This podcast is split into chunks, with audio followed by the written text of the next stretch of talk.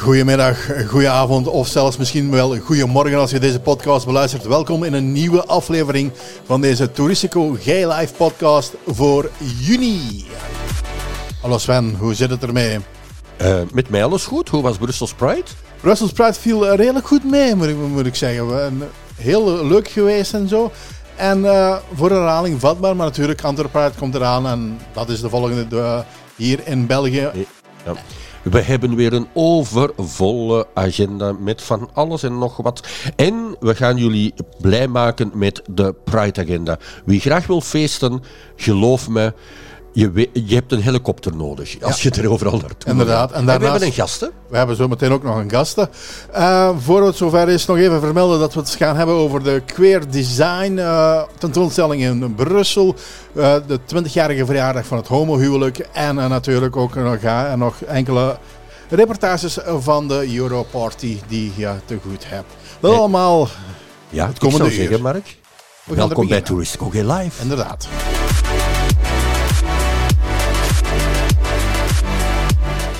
Maar uh, voor we aan de interviews toekomen, even naar het nieuws van de afgelopen maand kijken. De ambtenaren bij de stad Gent die zich als transgender voorbereiden op medische transitie, krijgen daarvoor van de stad 20 dagen verlof. Daarmee kunnen transpersonen dan bijvoorbeeld naar de logopedist, fertiliteitskliniek of psycholoog gaan. En uh, iets minder goed nieuws is er te rapen in Oeganda. Daar heeft president Yoweri Museveni de strengste anti-LGBT-wet, uh, of een van de strengste anti-LGBT-wetten ondertekend van dit moment.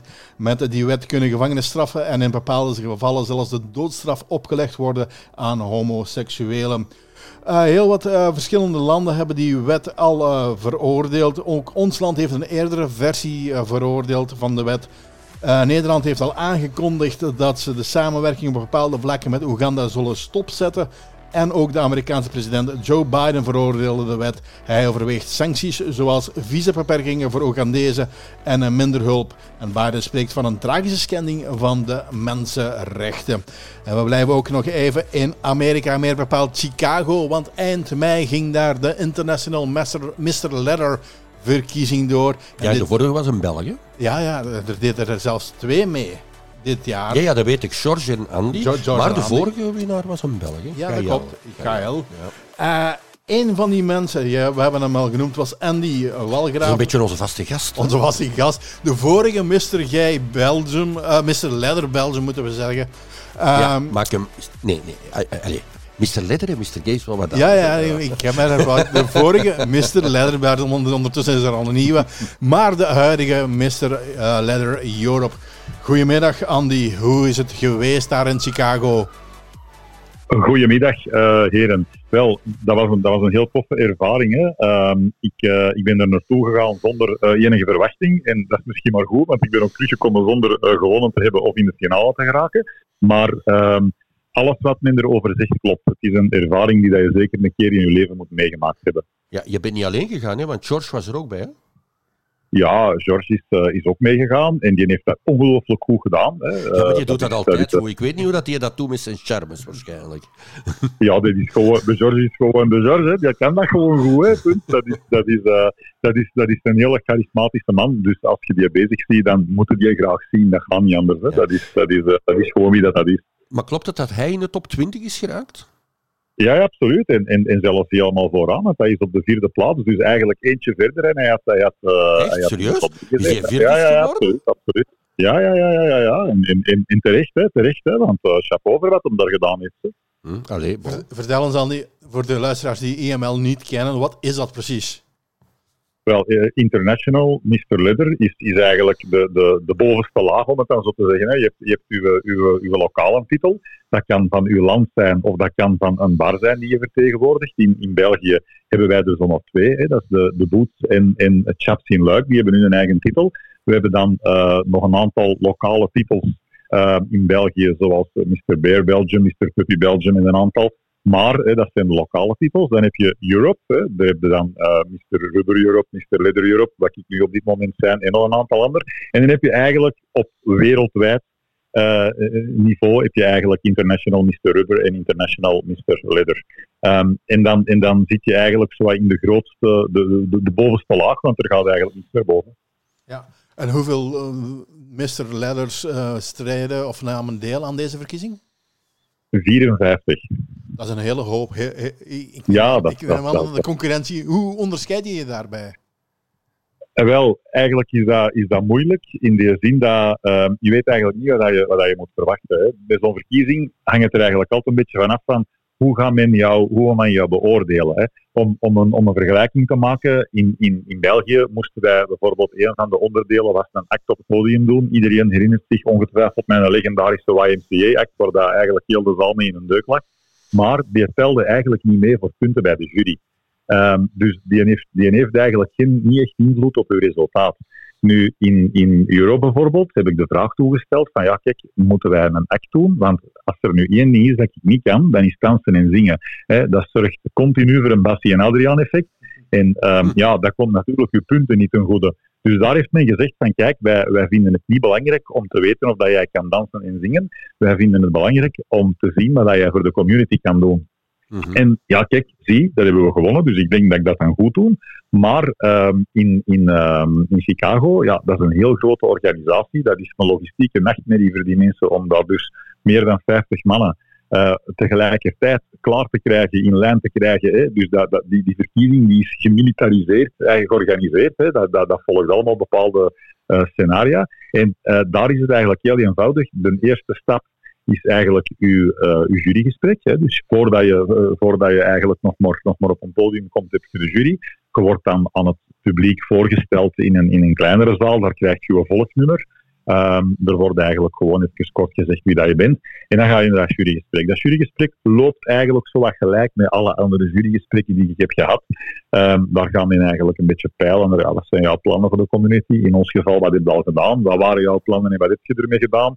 Wat, wat, gewoon, wie ben jij als persoon? Hè? Ze willen nu eigenlijk een beetje leren kennen. Dat is goed verlopen.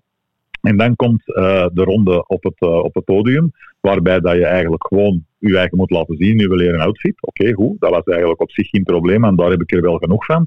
En dan komt de ronde Picks and Personality en dat was al, dat was al maanden mijn, grootste nachtmerrie, omdat dat eigenlijk weer terug neerkomt op laat een beetje van jezelf zien, hè. doet er dus nooit een dansje bij, komt grappig uit een hoek en vooral laat uw eigen zien. Het enige dat bedekt moet zijn, zijn uw geslachtsdelen. Ja, daar haak ik eigenlijk af. Iedereen die mij een beetje kent, die weet dat ik dat absoluut niet nodig vind van in mijn blote kont op een podium te gaan staan rondzwingen. Um, en ik kan dat ook niet. Ik, ik, ik, doe dan de freeze. Dus dat is ook effectief wat daar gebeurd is. Hè. Men, men heeft mij daar uh, uit mijn comfortzone gehaald. Hè. En dan heb ik het vooral over mijn man en mijn vrienden die zeiden van jij kunt dat, jij kunt dat, kom aan Andy, jij kunt dat. Dus ik heb daar uh, mijn outfit gemaakt. Ik ben er op dat podium gaan staan. Ik heb daar een poging gedaan om de grappige zin te produceren. Dat is een beetje gelukt, want de mensen lachten wel. Um, en dan, tot mijn grootste nachtmerrie, is men een hele lange cv beginnen voorlezen en moest ik iets doen op het podium. Ja, wel ja, kijk, dat is dan niet gelukt. Hè. Dus uiteindelijk, uh, wat, er, wat, er, uh, wat er te gebeuren stond, is ook gebeurd. dat is, ja. Daar is gestopt voor mij.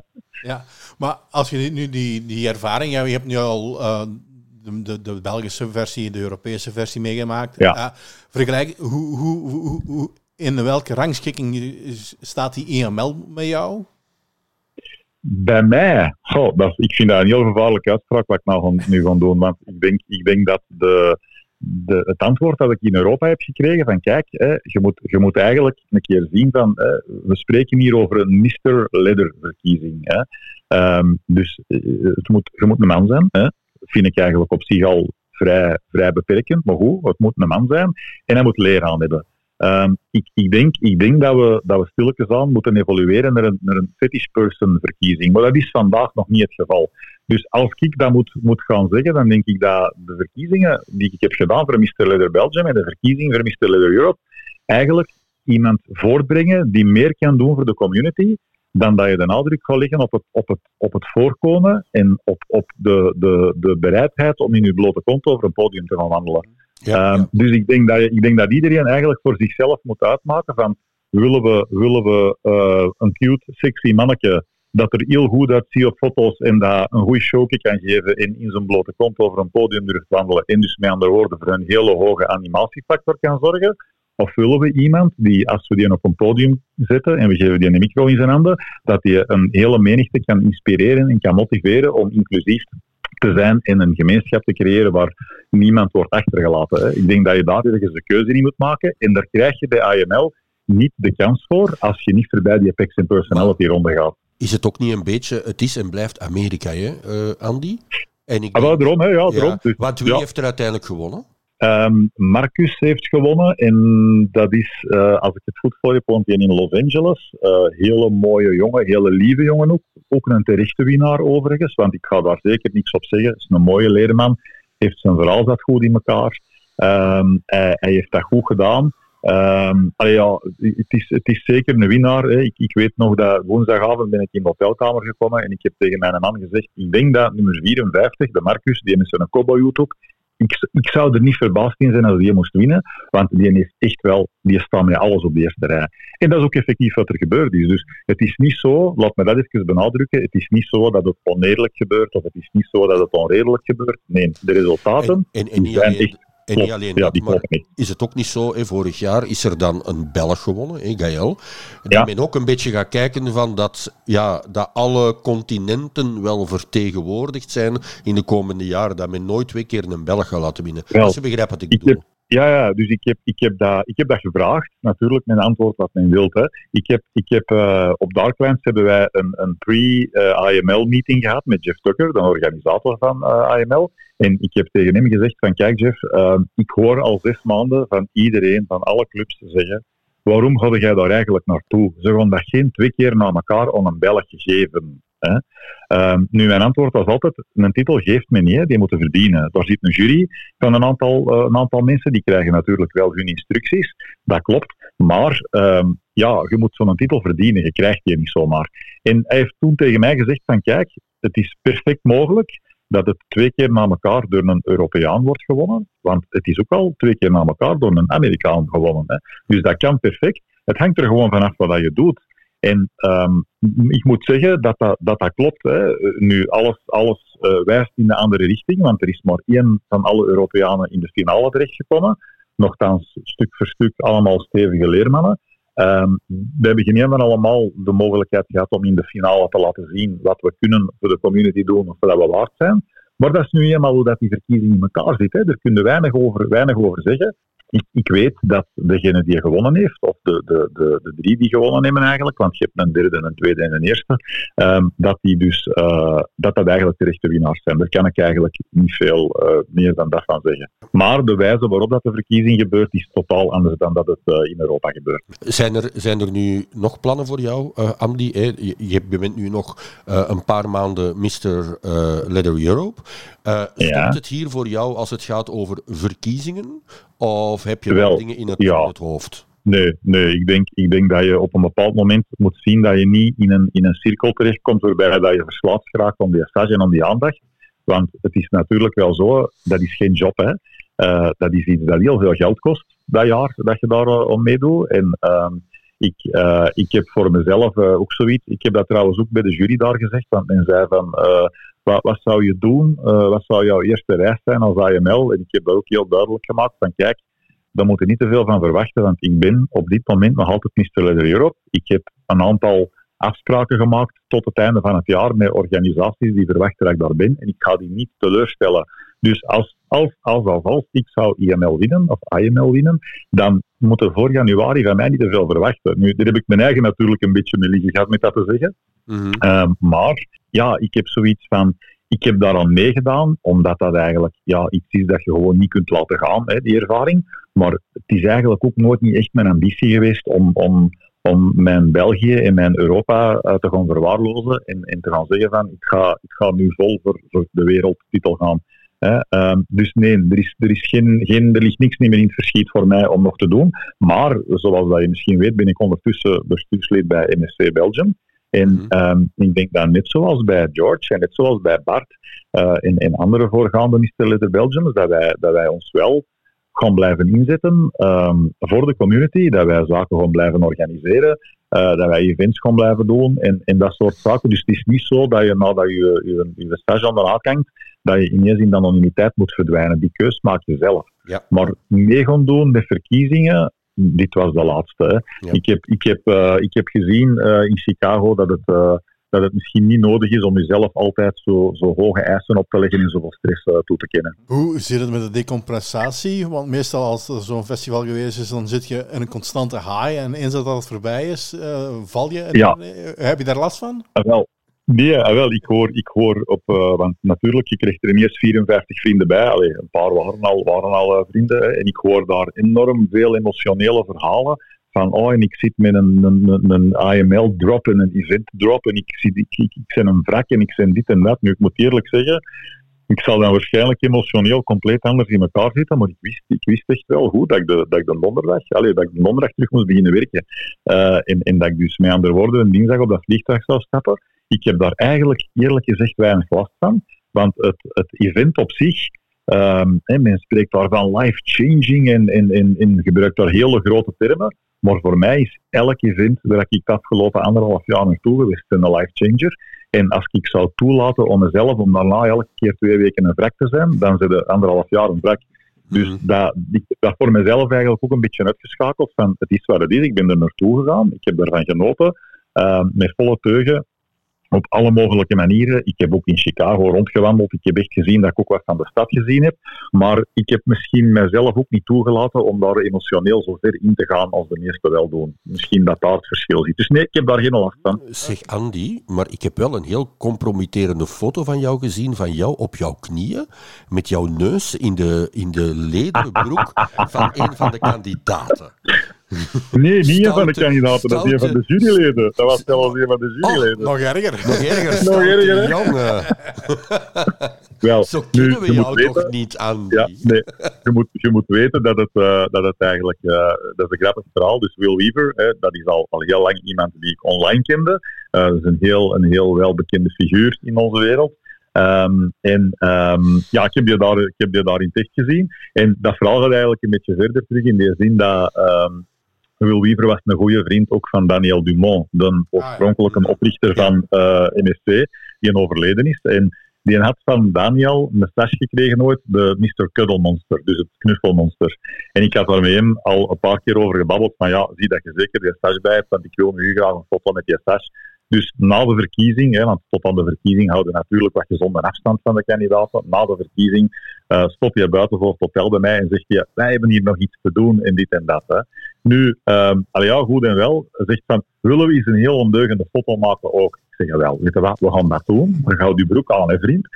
Wel, ja, dat is goed, zegt hem. Dus ik zeg, mijn, mijn titel hangt op mijn rug, ik heb mijn stage niet aan. Hè, uw, uw stage hangt over uw schouder. Ik ga hem een keer voor u zetten, want anders is het... Dus eigenlijk is het daaruit voortgekomen. Ehm, is dat een compromitterende foto? Wat ik zie, mijn mond, mijn mond was even dicht, even dicht als zijn broek. Dus, hè, maar op zich, eh, op zich denk ik dat dat gewoon is, omdat zo, er is zomaar één foto van mij, en dat is de die, en daar zal het ook bij blijven. Hè. Eh, er- er- dat, is, dat is inderdaad geen Andy-foto, maar ik vond langs de andere kant, oh, weet je wat, we zijn hier nu al zo buiten onze dingen gegaan. Ik heb, ik heb eh, half naakt op een podium gestaan in, in, in Chicago. Goh, dat kan er nou ook nog wel bij. Hè. What happens in Chicago stays in Chicago, wil ik maar zeggen. Ik weet nog een heel leuke verkiezing voor jou. De tiende Ja, wie weet, editie wie van Mr. Gay Belgium. De tiende editie van Van Mr. Gay Belgium. Maar, Ja, misschien dat je Maar een ik van de kandidaten weet- moet ik weet- zijn. ah, ik weet niet of dat een Bram of een Andy zit te wachten, want ik ben nogal vrij onvoorspelbaar. Ehm, en en ik, ben, ik ben misschien net iets te ruw hè, ehm, voor, voor aan de verkiezing van Mr. Gay Belgium mee te doen. Ik zeg daar, ik zeg daar niet nee tegen, maar dan, dan, ehm, dan denk ik dat ik die mens nachtmerries ga bezorgen. En dat wil ik hem, dat wil ik hem, dat wil ik hem niet aandoen. Oké, Andy, bedankt voor, eh, voor de leuke gedaan. babbel weer. Eh, wij gaan jou natuurlijk nog heel veel horen. Ehm, en ik zou zeggen, Happy Pride Month. Hetzelfde voor jullie en voor iedereen die luistert. Oké, Oké, bye-bye Andy. dag. Andy. Dag. Tot binnenkort. Dag. Binnenkort. IML was natuurlijk een heel belangrijk event in mei, maar in juni, je hebt het zelf al gezegd, eh, Sven, staat er ook van alles op te gebeuren, want het is immers Pride maand, nietwaar? Ja, ja, ik weet niet hoe dat de mensen daar allemaal naartoe gaan geraken, Mark, maar heb jij een helikopter ter beschikking? Eh, ja. nee, we gaan het stukje in twee delen moeten doen, Mark, want geloof me, ik heb een selectie gemaakt en jij zei tegen mij zoveel en ik had dit driedubbel kunnen maken. Meen ik echt. Ja, maar... ik, weet niet, ik weet niet hoeveel prijzen dat er doorgaan over heel de wereld, maar het zijn er gigantische. En we gaan gewoon beginnen in Europa. Ik denk dat dat voor de meeste mensen nog het beste is. We gaan gewoon even opsommen welke leuke prides er allemaal zijn. Uh, ja, ik denk een van de bekendste is Pride Amsterdam. Uh, die is wel pas in augustus, maar mensen die daar al naartoe willen leven, kunnen van 1 tot 6 augustus daar naartoe. Van 14 tot 18 juni, en ik weet, er gaan er heel veel naartoe, naar Sitjes. Het gaat weer vollopen met Antwerpenaren. 17 juni Warschau. Ik ben eens benieuwd of ze die gaan laten doorgaan. 17 mhm. juni kan je ook naar Bilbao gaan. Op 17 eh, juni is er ook op Ibiza een Pride te doen. Dat gaat vooral heel veel feestjes geven. 16, 17 juni Zurich. Wij gaan zelf op 17 juni naar Roze Zaterdag in Goes. Van 19 tot 24 juni heb je Thessaloniki. Van 20 tot 25 juni kan je naar Dublin gaan. En dan, ik weet niet waarom dat men die dag heeft uitgekozen, maar 24 juni is een belangrijke dag. Dan kan je naar Lissabon, Parijs, Milaan, Valencia uh, en Palermo. 24, hm. 25 juni kan je ook naar München gaan. Uh, ik heb hier nog van 23 juni tot 1 juli Oslo. 24 juni tot 9 juli Keulen. 29 juli Stuttgart, 14 juli Frankfurt en 25 juli Glasgow. En de rest ga ik jullie in het tweede deeltje vertellen. En ook is het deze maand precies uh, eh, 20 jaar geleden dat het homohuwelijk werd goedgekeurd. En uh, daar moeten we natuurlijk ook even wat aandacht aan besteden. Paul Borgs was toen uh, lid uh, van de cel politiek van het voormalige FWH, wat we nu kennen als Savaria. En was van het begin bij die politieke strijd voor het homohuwelijk betrokken. Over die strijd heeft hij nu een nieuw boek uit, waarin hij de geschiedenis schetst. En die verbindt hij aan zijn eigen biografie.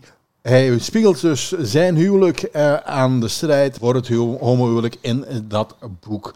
Dat vertelde hij althans in de boekvoorstelling die begin deze maand uh, doorging in het Regenbooghuis van Antwerpen. En hoe hij dat allemaal beleefde, dat vertelde hij daar dus zo. Toen was ik 21 jaar, toen ik mijn partner leerde kennen. En toen bestond 372 bis nog, maar ik was 21. Ik dacht, dat was wat ouder, maar we waren niet strafbaar. We hebben elkaar leren kennen in 84, we zijn gaan samenwonen in 86. En op dat moment, ja, dat werd ons duidelijk van, ja, wat moeten wij nu eigenlijk doen? Stel dat een van ons tweeën werkloos wordt, ja, dan gaat de andere de meest slechte regeling krijgen. Mm, Stel dat een van ons overlijdt, dat kan altijd. Ja, dan gaan de successierechten oplopen tot de hoogste schijf. We waren zo rijk maar in de hoogste schijf had dat 80% geweest. We gingen huis kopen om... In, er was ook de vraag, hoe gaan we dat doen? Want als er iets gebeurt, de ouders die leven hebben elk recht op de helft van de erfenis. Dus de successierechten, dat was, ja, dat was de woestijn. En op dat moment, ja, dan is dat die, die, die vraag niet ontstaan, omdat, omdat ja, toen was dat zoiets veraf, dat was een stukje irrealistisch, van komt er ooit een regeling, zal dat nog mogelijk zijn? En het is dan pas in 1989, wanneer in Denemarken dat geregistreerd partnerschap wordt ingevoerd, dat er zoiets kwam van, tja, een soort huwelijk, want men sprak al direct van een homohuwelijk, ook al was dat een geregistreerd partnerschap, ja, er is een regeling mogelijk en dat kan eigenlijk wel. En, en zo is die strijd dan begonnen. Ik, dan, ik ben dan actief geworden in de holbeweging. Ik ben er dan een heel klein radertje in geweest. Ik ben heel blij dat ik er ook een klein radertje heb in kunnen zijn, maar met heel veel vrijwilligers, waarvan er toch een aantal hier in de zaal zitten, hebben dan toch stap voor stap ja, rechten kunnen afdwingen. En ja, in je boek leest, zal merken dat dat toch wel een, een moeilijk proces was. Want als je natuurlijk achteraf terugkijkt, dan kan je alle alles mooi in elkaar passen. En dan weet je waar je uitkomt. Een van de belangrijke mensen in die strijd voor het homohuwelijk was de Limburgse advocaat Guy Zwenne, die toen in de tijd uh, bij de SPA zat. Tijdens de voorstelling vertelde hij waarom hij als hetero man het initiatief nam om te strijden voor de erkenning van homoseksuele relaties. Als ik dat ogenblik 35 jaar, was uh, 10 jaar advocaat, voornamelijk familierecht. En ik zag eigenlijk uh, een verschrikkelijk verouderd familierecht met ruzies tot gevolg. Um, dat, dat, dat, dat botste van alle kanten, uh, vechtscheidingen en zo verder. Maar ik zag ook een toenemende groep, uh, 18% volgens de laatste voorstelling op dat ogenblik, die samenwoonden, die het eigenlijk gehad hadden met dat strenge pestinstituut, bij wijze van spreken, van het huwelijk, dat nog uit de tijd van Napoleon dateert. En toen ik dan in het parlement kwam, had ik mij direct voorgenomen, ik ga iets doen voor de modernisering van dat familierecht en in zonderheid voor de samenlevers. En ik stootte dan in al die literatuur op het schrijnende onrecht van de totale rechteloosheid van uh, mensen van hetzelfde geslacht die een twee relatie hadden. Op dat ogenblik, dat is nu ook frappant, dat kunnen wij ons niet meer voorstellen, we kijken alles met de bril van vandaag naartoe. Toen was er nog het absolute taboe. Ik heb vijf jaar rechten gestudeerd, ik heb nooit het woord homoseksualiteit horen vallen. Kunt u dat niet meer voorstellen? Maar ik zag dus vooral van homoseksuelen de absolute rechteloosheid. Indien er geknutseld werd in de rechtspraak aan een samenlevingscontract, dat werd dat voor samenwoners hetero's nog gedoogd af en toe door de rechtbank. Dus om elkaar recht te geven. Maar u zal in die periode voor 93 en nog later ook nog niks vinden over rechtspraak over Holebies. En als er een uitspraak was, dan liep die, dat samenlevingscontract het risico door de rechters niet verklaard te worden wegens strijdig met de goede zeden en de openbare orde. En dit was gewoon een vernietigingsgrond zonder meer. Dus men zat om elkaar rechtsbescherming te geven in een tweerelatie, in een absoluut juridisch vacuüm.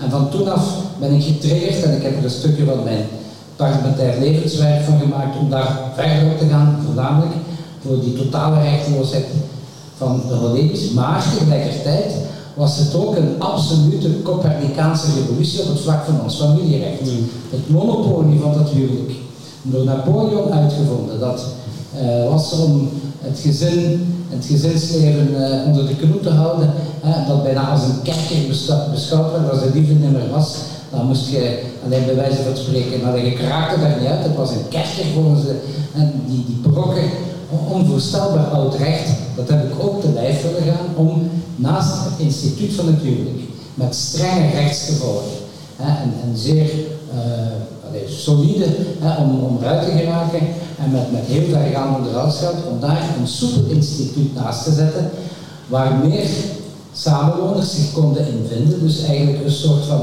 modern huwelijk, tegelijkertijd voor homo's en hetero's, naast de mogelijkheid van het totaal ongeorganiseerd. Maar uiteindelijk kwam het dus allemaal goed en er werd er op 1 juni 2003 het wetsvoorstel in de late uurtjes in het parlement gestemd door 91 Kamerleden eh, met 22 nee-stemmen en 9 onthoudingen. Dat is natuurlijk het resultaat van de paars-groene regering en als we paars zeggen, zeggen we open VLD en dan komen we met Hilde Voutmans op dingen. En dat is onze volgende gast. Ik ben, uh, deze week ben ik naar de viering geweest in Brussel, rond 20 jaar homohuwelijk. En daar liep ik Hilde Voutmans, Europees parlementslid van Open VLD, tegen het lijf. Die zet zich al jaren in voor de Hollyby-beweging, uh, voor de LGBTQ-beweging moeten we nu zeggen. Zij stond mee aan de wieg in 2003 voor uh, 20 jaar homohuwelijk. Drie jaar later adoptie uh, met, van kinderen. En zij is ook de persoon die uh, mee aan de wieg stond voor de eerste transgenderwetten. Ik had het met haar over die drie zaken, maar ook over de problemen in Europa. Twintig jaar homohuwelijk. Herinner jij je de dag nog dat dat gestemd werd? De dag niet, maar het jaar wel. En het was echt heel emotioneel, want ik was toen hele jonge medewerker op het kabinet van premier Guy Verhofstadt. Ze hadden daar achter de schermen heel hard mee aan gewerkt. Dus ja, dat was echt zo, ja, een liberale overwinning. Hè. We hadden een liberaal kabinet, Guy Verhofstadt als premier. We wilden echt daarop inzetten. De dag dat dat gestemd werd in het parlement was het echt feest ja, voor ons liberalen. Nu, we zijn een beetje een vooruitstrever in België.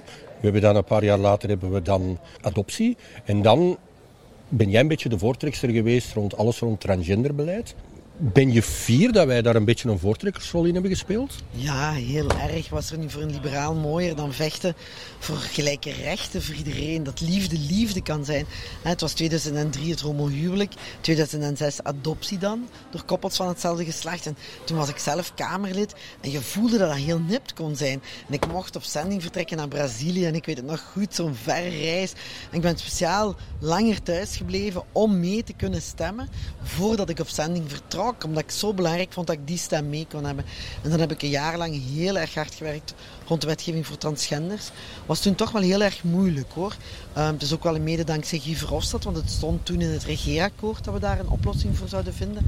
Um, maar in het begin dat ik daaraan begon te werken, zei er iemand, waar zit jij nu mee bezig? Dat is toch bijna niemand waarover dat, dat gaat? En houdt u met echte problemen bezig? Ik dacht, maar af, want in die tijd moesten transgenders nog na hun transformatie naar de rechtbank gaan om van geslacht te kunnen wijzigen. Ik vond dat hallucinant. Ik denk, wat gaat die rechter zeggen? Laat mij eens zien. Ik denk, ja, dat is toch waanzin. Dat moet op een administratieve wijze kunnen gebeuren. En dat we toen ook kunnen realiseren. Ik heb toen heel veel campagne daar rond gevoerd, ook naar andere landen toe. En ik ben daar nog altijd ja, heel erg blij mee dat ik dat samen met uh, de coalitiepartners heb kunnen realiseren. Die vooruitstrevende liberale wetgeving. En eigenlijk probeer ik dat nu ook in Europa te blijven doen. Want ja, in Europa zijn er ook nog maar 14 landen waar het homohuwelijk kan. En in Europa zijn er landen ja, waar LGBTIQ-vrije zones bestaan, zoals in Polen. Heb je Viktor Orban, die zich verzet tegen gelijkheid van koppels. En dus daar vecht ik echt wel van, ja, die landen die die Europese waarden zodanig met de voeten treden, die mogen nooit nog Europees geld van mij ontvangen. Europa is geen cashmachine. Europa, als je geld wilt ontvangen, moet je de Europese waarden en normen verdedigen. Maar het zijn natuurlijk die autocratische, populistische leiders die daar proberen munt uit te slaan, die mensen opzetten tegen migranten, die mensen opzetten tegen uh, alles wat een beetje anders lijkt. Hè? Uh, en daar kan ik gewoon niet tegen. Dus ik zal uh, op alle niveaus waar ik politiek hmm. actief ben, echt wel vechten voor gelijke rechten voor iedereen. Ja. Je hebt het net gezegd, ik heb het even opgezocht. 35 landen in de wereld uh, hebben het homohuwelijk. Uh, elf landen hebben dan nog een geregistreerd partnerschap. Maar ik zeg zelf, daar stopt een beetje het positieve, want we zijn ongeveer 20 jaar later. Vorige maand is nog het bericht geweest dat een burgemeester in Sint-Peterswoluwe een probleem had met een regenboogzebrapad in zijn stad of in zijn gemeente. Bart Somers heeft het ook gezegd. 7 op 10 holibies hebben, hebben problemen met geweld. Jij sprak ook al over Hongarije, Polen, Rusland, Turkije. Turkije is ook een ding.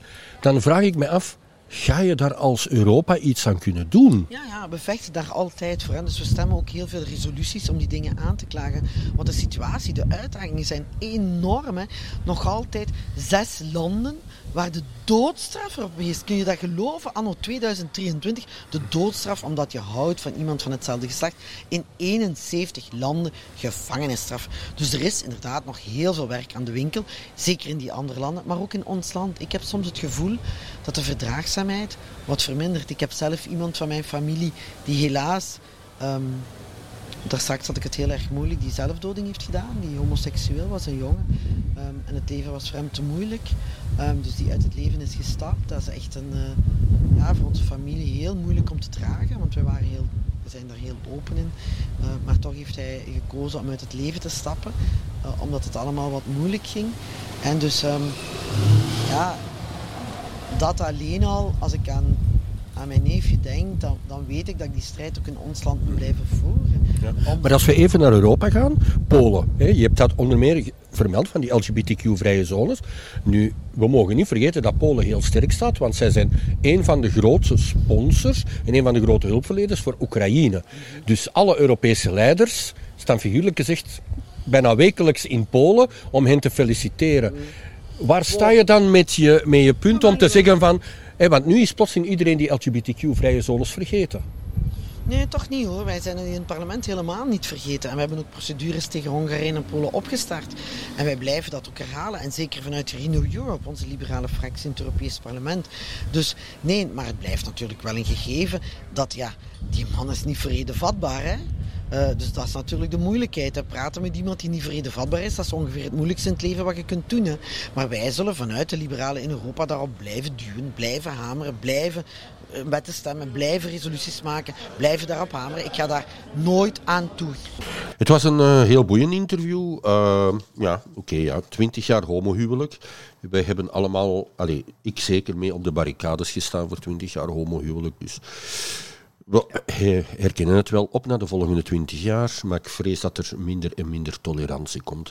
Bart Somers heeft trouwens gezegd dat 7 op de 10 LGBTQ's um, ja, ergens uh, geweldachtige toestanden meemaken en, uh, dat, en dat het alleen maar verergert. Nog even vermelden dat het boek Echt Verbonden van Paul Borgs verschenen is bij uitgeverij Erzberg en dat het verkrijgbaar is bij de Betere Boekhandel.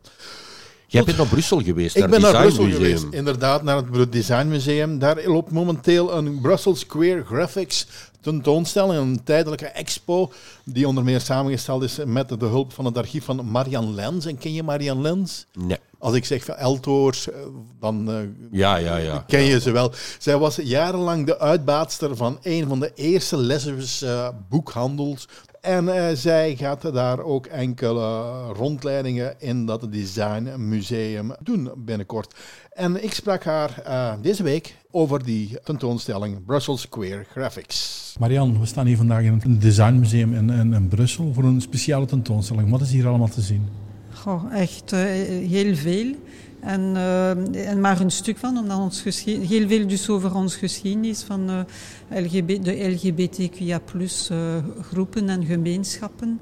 Het is wel een allereerste iets, gebeurtenis in België. Dus het is de allereerste keer dat er een tentoonstelling bestaat over onze geschiedenis. Uh, hier door subsidies en ook omdat het museum in uh, Brussel gelegen is, hebben ze wel uh, hoofdzakelijk stukken over Brussel, vanuit Brussel genomen. Maar het gaat natuurlijk over veel meer. En wat heel goed ook is en ook nieuw is dat ze inderdaad enorm veel over evenveel dus Franstalige als Nederlandstalige groepen genomen, wat uh, heel goed is. Hè. een, um, het idee is van uh, Brussel Franstalig, maar nee, dat geeft natuurlijk... Uh, er hebben meerdere talen bestaan, natuurlijk de nationale talen, maar dan ook Engels. Hier wordt ook alles in de drie talen vertaald, dus Nederlands, Frans en Engels, om een zo breed mogelijk publiek aan te lokken. En, ja. Jullie beginnen echt bij het begin. Ja. Cultureel hier in, in, Brussel, waar de Suzanne Daniel de eerste homovereniging heeft opgericht. Ja. Jij hebt ze ook persoonlijk gekend. Vertel dat verhaal eens even. Ja. Wat is hier van, van dat uh, feit te zien? Ja, dus um, Suzanne Daniel heeft in uh, 1953 uh, dus het Cultureel Centrum Brussel on, laten ontstaan. Dus de allereerste vereniging in België. Het was een twee, tweetalige uh, vereniging. Ze was zelf uh, meer Nederlandstalig. En, dus ja, inderdaad, ik heb haar gekend toen ik mijn winkel had. lesbische winkel, de allereerste um, duidelijk lesbische of LGBTQA plus vereniging in België ook. Dat was 85. Um, en uh, zij kwam er ook naartoe, niet direct in het, alle, in het begin, maar iets later in de jaren negentig. Dan kwam zij terug in de, de beweging. Um, en zo hebben we haar ook uh, leren kennen van wat allemaal vroeger bestaan had. Omdat ja, van die tijd was er uh, weinig te vinden. daardoor dat het voor ons zo ontroerend was om dat allemaal terug te zien. Stukken die wij soms nooit hebben gezien. Hè, van, uh, zelfs zij heeft stukken ingebracht van de jaren 30, 1930, dat is heel vroeg. En uiteindelijk hebben we een heel rijke geschiedenis hier in, in Brussel en in België. En het is voor alle Belgen natuurlijk uh, iets nieuws. Ja, het is een totaal nieuwe invalshoek van een, een beweging van mensen die onbekend blijven, onbemind. En hier is de bedoeling om te tonen ook dat die geschiedenis heel oud is, heel rijk, dat we enorm veel hebben gedaan. Um, ja, en veel hebben ook bereikt. Hè. Dus um, daardoor is nu ondertussen België gezien als een van de meest moderne landen ter wereld. En uh, uiteindelijk, ja, het is ook wel waar. Als we dat zien, dat de overheid uh, geld geeft voor, om, om, te gaan, om zo'n tentoonstelling op poot te laten komen. Dat is wel uh, iets die nog een uitzondering blijft in vele landen ter wereld. En we mogen wel blij zijn dat we dat kunnen leven ja, hier. Hoe, we zitten hier in een designmuseum. Hoe designvol is het materiaal dat vroeger werd ge, gecreëerd door de LGBTQ-verenigingen en, en, media in, in Brussel? Ja, dat was enorm creatief en vindingrijk. Waarom? Ja, de meesten waren, hadden niet veel geld dan, als u weinig geld hebt, hebt u veel. Uh, de bron komt van jullie hersenen en uh, die waren heel, heel rijk. Dus uh, dat is ook materiaal die vooral met de hand werd gemaakt, met heel weinig middelen.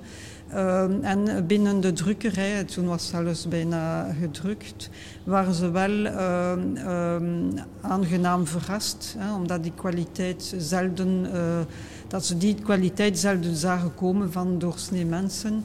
En zo hebben we ook met de tijd meer en meer steun gehad. Hè. Dus ze helpen onze tijdschrift te verbeteren, meer professioneel uh, aan te pakken. Maar die, hielpen ons ook. Alleen, normaal gezien moesten we dat allemaal betalen en uiteindelijk deden ze dat gratis.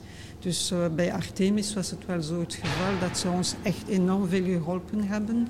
En met de tijd hebben we uh, met weinig financiële middelen toch een heel hoog niveau bereikt. Natuurlijk met de tijd en met de democratisering van uh, het drukken uh, is het nog uh, veel duidelijker, ook, duidelijker aan bod gekomen. Maar we mogen echt heel rijk zijn met alles wat wij hebben gedaan. Jij had zelf een, een, lesbische boekhandel in Brussel, Artemis. Je gaf ook een eigen tijdschrift uit. Enkele nummers waarvan liggen hier. Was het weer met dat tijdschrift heel, heel gevoelig voor jou? Ja, ja, omdat uh, in die tijd dachten wij niemand zal dat ooit uh, au serieus nemen. En uiteindelijk is al veel materiaal verdwenen, behalve bij sommigen. Allee, ik heb alles, altijd bewaard. Zeker via de boekhandel hadden wij enorm veel uitwisseling met andere tijdschriften. We verkochten veel tijdschriften, boeken, maar vele verenigingen kwamen bij ons hun eigen uh, spullen uh, plaatsen, publiciteit maken voor hun eigen groepen of, of um, feesten. En die heb ik altijd allemaal bewaard. Dus ik heb daar meters en meters lang archivaria, dus kubieke meters. Allee, is enorm, dozen en dozen. En uh, die ben ik nu ook aan het... Uh, dus enorm is al wel uh, gegeven toen in die tijd al in de eerste archivaria die bestonden. Allee, het was België Le Lesbianaire, Feminaire, dus ik was ook zelf in de groep. Dat was het tweede lesbisch archief in de wereld, maar wel de allereerste LGBTQIA archief in België. het geeft, dat was eind jaren 70, 1979. U hebt toch wel bijna twintig jaar moeten wachten voordat er met het Fonds Suzanne Daniel in 96 de tweede uh, LGBTQIA plus arrivaria in België uh, begonnen. En daardoor ja, is dat indrukwekkend om het hier te zien. Dus ja, het was echt heel ontroerend ja, voor velen. We waren echt daarvan wauw, wauw, wauw. Eindelijk ja, een beetje nog altijd...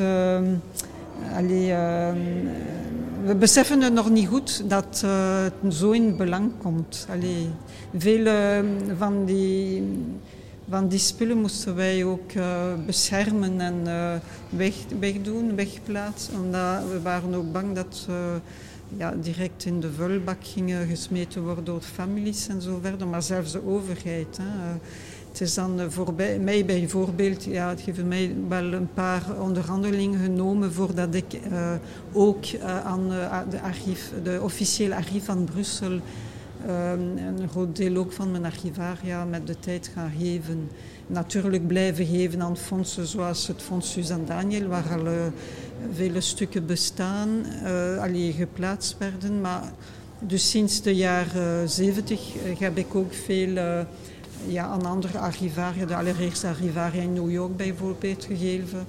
Uh, de Washington kwam ook bij ons langs uh, in, uh, in Brussel in de boekhandel. Die had toen de allereerste grootste fonds in de wereld. LGBT, zoals wij nu LGBTQA plus stukken noemen. en dus ja, dat is niet nieuw voor mij. Hè. Dus het feit dat het wordt gearchiveerd, ook in Parijs, in in uh, Amsterdam en in Londen hebben ze ook uh, spullen van ons bewaard. Altijd au serieus genomen.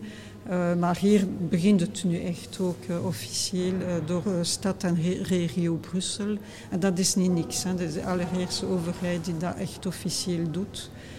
Maar ja, voilà, dus dat, dat is nu echt aan het veranderen. Dat is niet niks. Dus het is echt belangrijk dat de vroege geschiedenis, de vroege LGBTQ-geschiedenis van België bewaard wordt natuurlijk. Ja, ja, ja. Het is, um, ja, het is echt zo hand in hand werken. En voor het, pub het publiek is dat heel belangrijk, ook voor kinderen, pubers, uh, jonge ouderen, te zien van voor hen bestaat nu ook een toekomst. Ze mogen erbij zijn. Uh, op dat gebied is geen gevaar meer. We zijn uh, mensen tussen andere mensen. Natuurlijk moeten we nog veel uh, ja, werken helpen. dat het niet overal, zelfs in België, wordt goedgekeurd. er zijn wel natuurlijk ook nog altijd tendensen van mensen die zeer conservatief zich uh, ja, allee, maar dus gedragen, ja, is zo een beetje stom, maar alleen. Ja. Uiteindelijk komen we niet naar, naar achter terug. Nee. Ja. Jullie hebben alles ondergebracht onder bepaalde thema's. Noem enkele thema's en waarom hebben jullie gekozen voor die thema's? Maar hier werd dat door academici wel uh, gekozen. Dus het is niet altijd vanzelfsprekend om, het, uh, om de stukken terug te vinden. Er werd niet chronologisch geplaatst, maar wel volgens uh, ja, thema's, zoals elkaar herkennen. Uh, of uh, je hebt uh, zoals fabriceren of zich laten visibiliseren, hè, dus bekendmaken en zo verder. Dat zijn inderdaad, alles ging dus samen bij ons. Allee, we maakten niet zo'n verschil, maar ja, blijkbaar ehm, ja, is dat zo de invalshoek die zij belangrijk vonden. Maar uiteindelijk is het belangrijk om alles te lezen, dus je moet u ja, laten uh, ja, door de, de tentoonstelling gewoon maar... Uh, laten leiden eigenlijk. Ja, voilà. Ja. ja. En er komen wel uh, met de tijd ook be bezoek, bezoek ehm, rondleidingen georganiseerd om meer uitleg te geven. Dus ik ga zelfs ook rondleidingen organiseren in samenwerking met het Design Museum maar dan ook met uh, bijvoorbeeld het uh, mat matrimoniumdagen daar eind september. En zo worden veel, ja, gebeurt van alles tot begin november. Dus het is een heel, heel lang tijdperk voor deze tentoonstelling. Uiteindelijk, allee, ja, een paar maanden is enorm veel. Je zegt al zelf, jullie gaan rondleidingen organiseren en zo. Waar kunnen ze daarvoor inschrijven?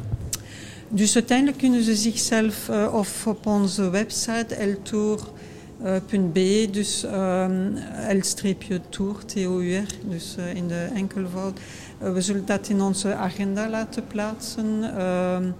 Uh, en mensen mogen ons schrijven, dan krijgen, krijgen ze de informatie via onze newsletter. Of dan rechtstreeks hier ook via Design Museum. En daar krijgen ze ook alle info's over al die rondleidingen, uh, bezoeken of conferenties die daar rond zullen uh, draaien. Dus, ja. Dus uh, tot, eind, no, tot begin november kun je terecht in het Designmuseum in Brussel. Dat is op het Heizel, de Heizelvlakte aan het Atomium voor de Brussels Queer Graphics uh, tentoonstelling, een tijdelijke expo. En alle informatie vind je natuurlijk ook terug in de links in onze show notes en op onze linktree op uh, Instagram en Facebook. Maar ik, en ik, en ik zou ook even nog willen zeggen, mensen die ook nog iets anders willen uh, bezoeken qua tentoonstelling. De tentoonstelling in Caserne d'Ossin loopt nog tot het einde van het jaar. Dus uh, zeker een heel boeiende. En uh, wie dat met een gids wil doen, elke eerste zondag van de maand kan je een tour boeken. er zijn maar 21 plaatsen, maar kan je een tour boeken met een gids om de Caserne d'Ossin te gaan bezoeken en de tentoonstelling rond Holibis en Nazi-Duitsland. En nu we toch um, over toeristische tips bezig zijn, even, even terug naar onze tweede deel van onze agenda. Ja, waar waren we gestopt? Ik weet het al niet meer, op de 24e. De 24e. De 24e. Uh, we hebben ook nog dat weekend München. Dan hebben we uh, van 23.6 tot 1.7 Oslo. Van 24.6 tot 9.7 hebben we Keulen. Ook wel een hele leuke Pride. Ik weet ook veel mensen die daar naartoe gaan. Wil je het een beetje aan de andere kant zoeken, dan ga je van 26.6 naar 2.7 naar Helsinki. Van 28.6 tot 27.7, dat is bijna een volledige maand, kan je naar Madrid. Uh, op 1 juli heb je Napels. Op 1 juli heb je ook Londen. Ik denk dat dat ook wel de moeite zal zijn. Uh, 29 juli Stuttgart. 14 juli Frankfurt. 15 juli Glasgow. En uh, dan gaan we eens even verder. Dat wordt een heel interessante, Mark. 15 juli Budapest. Zou hij doorgaan? Vorig jaar was daar uh, heel wat uh, miserie rond. Was Europride onder andere. die werd dan afgelast op het laatste moment. Dus het wordt kantje boordje, denk ik. Ja. Van 7 tot 15, 7 Leipzig. Van op uh, het, datzelfde weekend van 15 juli Barcelona. 22 juli een heel leuke Pride. Ben er ooit geweest, Berlijn. Ben jij er ooit geweest? Nog niet, maar die staat wel op mijn, mijn, mijn, ja, bucketlist. Is echt de moeite.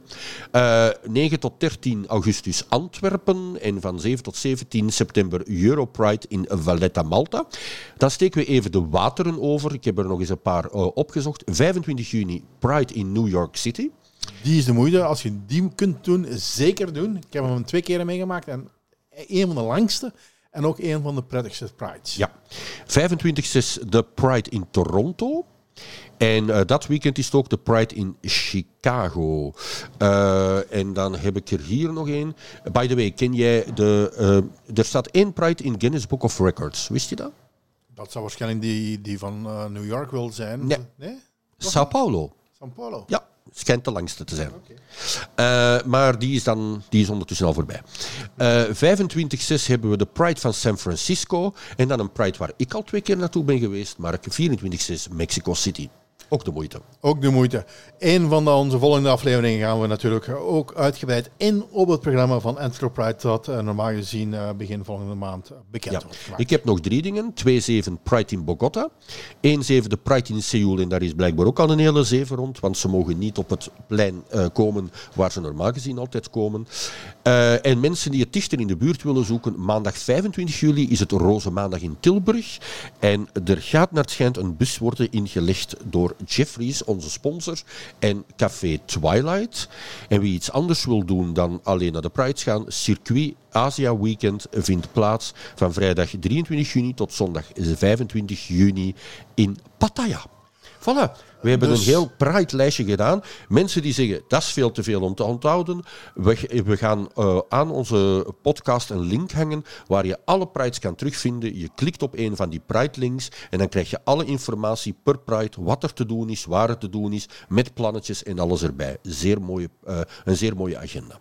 Dus als je alles op het, uh, nog even wilt nalezen, kun je terecht in onze show notes die bij deze podcast horen.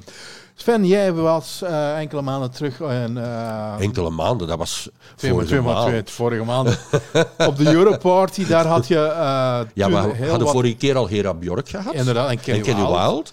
Maar, maar ja, we hadden ook Suzy. Suzy uh, heeft meegedaan in 2014 aan het Songfestival uh, voor Portugal met Quiero Sertua in Kopenhagen. Ze heeft de finale niet gehaald. Maar zoals je wel weet, in 2017 heeft dan Salvador Sobral gewonnen. Uh, en ja, dat is nu ondertussen toch al wel bijna tien jaar geleden. Maar Suzy wordt nog elk jaar gevraagd voor Eurovisie Songfestival parties. Susie, welcome at Torremolinos. First time? Yeah, first time ever in Torremolinos and in Malaga. So it's quite exciting that I have the opportunity to do two things that I love, which is singing um, for uh, Eurovision fans, and not only because here it's very different, and also meeting new places. So it's I have the best of the new world, the the the best of the both worlds. Not a lot of time to sightsee, but I think enough to get an idea of Mhm. how is Torremolinos. Yeah. In 2014, you went to the Eurovision Song Contest for Portugal. It was in Copenhagen. How was it? Well, if I'm well in Copenhagen was amazing.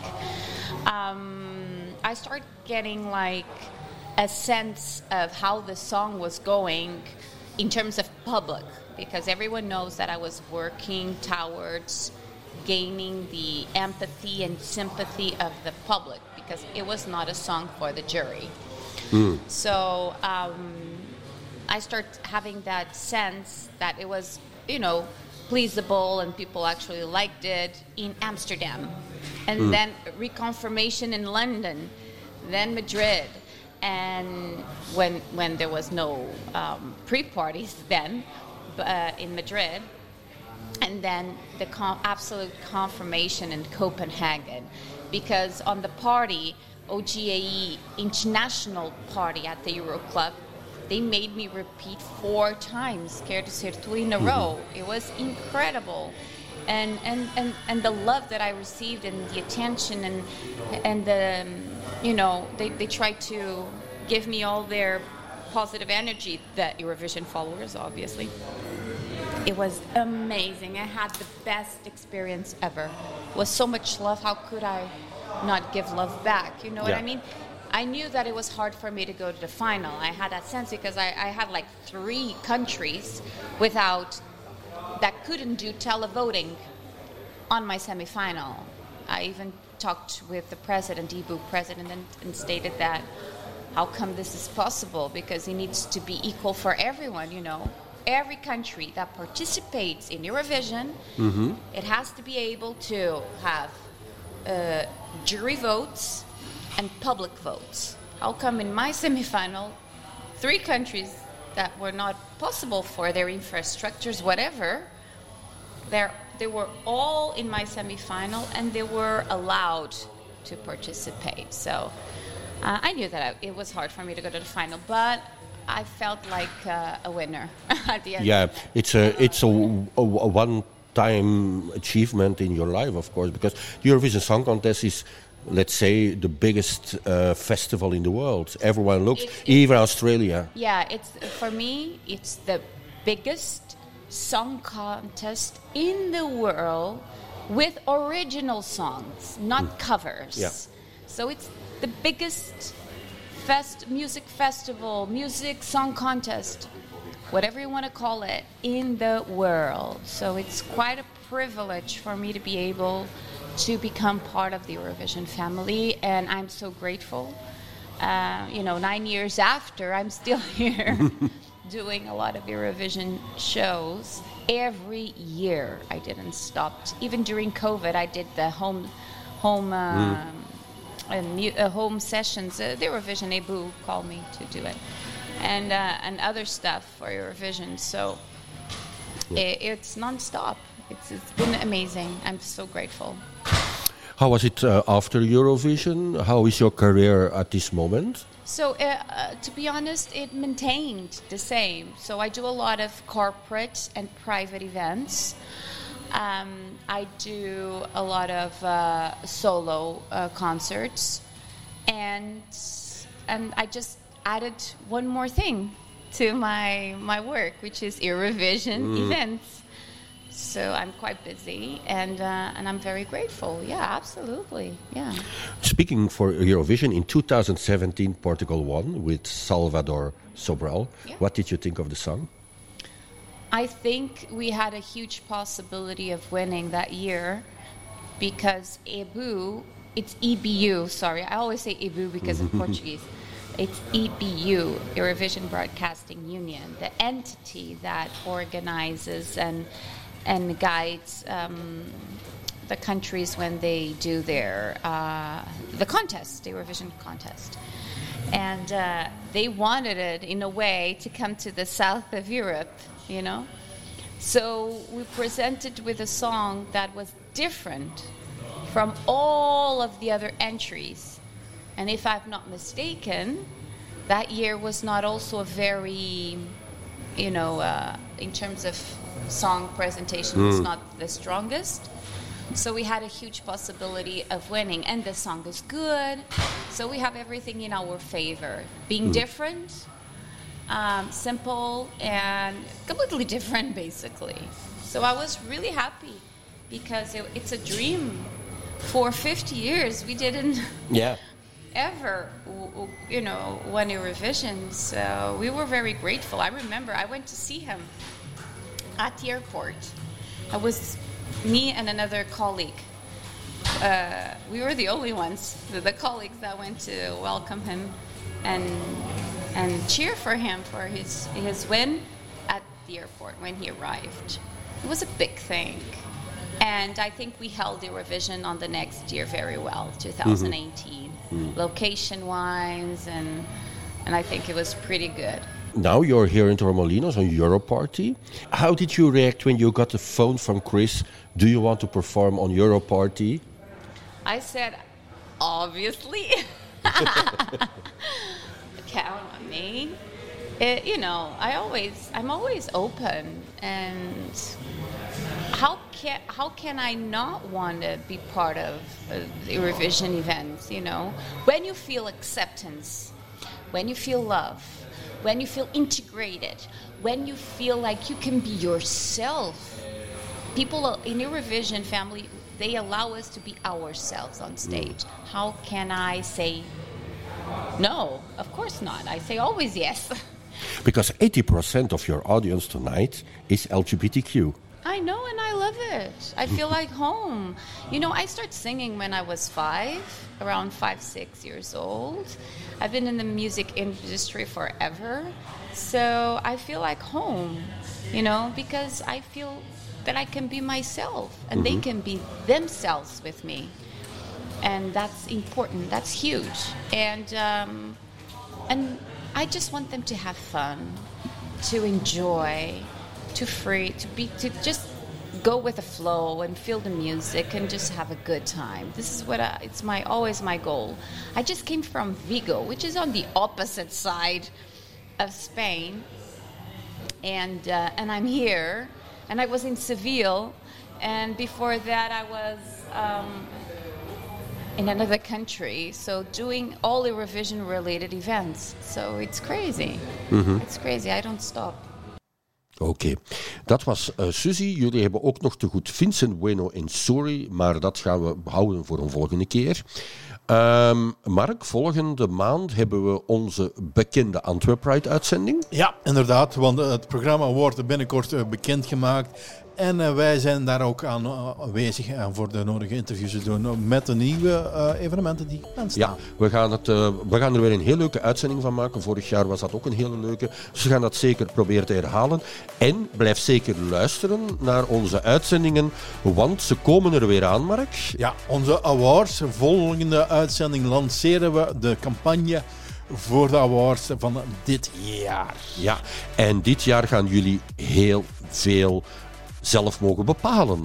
Maar we zijn er nog volop mee bezig. Dus blijf het zeker in doog houden. Onze social media kanalen, like ze, word er lid van, zodat je op de hoogte blijft. Eh, eh, deel onze podcast. Eh, ja, hoe meer zielen, hoe meer vreugde. Je vindt ons terug op Facebook en op eh, Instagram onder de handle TGLPDCST. Wat staat voor Toeristico Live Podcast. Maar dan allemaal zonder de klinkers. Voilà. Wij gaan ons klaarmaken, Mark, want wij gaan eh, stilletjes aan ook naar Goes vertrekken. Ja, daar gaan wij dit weekend zitten. Ja, dat klopt. Eh, misschien zien we daar nog wel wat Antwerpenaren eh, of andere Belgen of andere Nederlanders. Ik weet het niet. Maar in elk geval, ehm, ja, geniet nog van de Pride, de Pride events die er aankomen.